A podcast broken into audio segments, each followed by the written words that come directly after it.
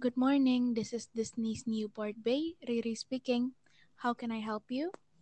Hi, I would like to make reservation for next week. What date are you looking for?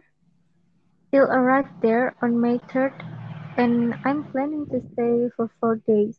Do you have any vacancies? Yes, ma'am. We have several rooms available. How long will you be staying? You'll be staying for four nights. Very well. How many people is the reservation for? Two people, one adult and one child, 17 years old. Great. Would you prefer to stay in a Cinderella suite, a room by Lake Disney, or a Sleeping Beauty suite, a room 5 minutes from Disneyland? May I know the rates of each other? Sure. Cinderella suite is 540 euros per night, while Sleeping Beauty is 560 euros per night. We'll be staying in your Cinderella suite.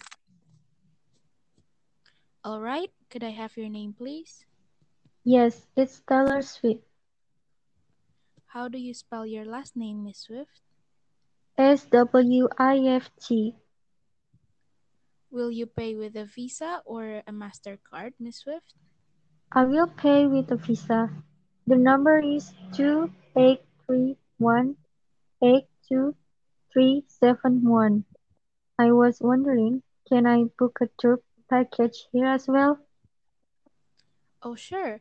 I'm going to transfer the call to Robbie. He will help you with that. Thank you. Hello, Robbie speaking. How can I help you? Hi, I'd like to book a tour for May 4th, please. I can help you with that. What would you like to see? As much of Paris as possible. What are my choices? There's a hop on hop of bus tour that takes you around to the Eiffel Tower, Louvre Museum, and of course Disneyland Paris. But of course, if you have an own plane, we have a private tour.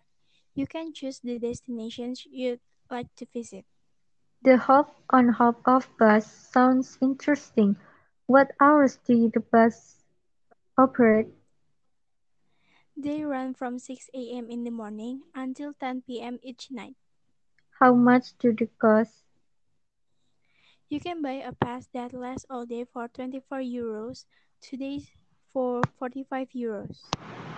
I want one day tour for two people, please. How should I pay for it? It'll be included with the hotel room's bill.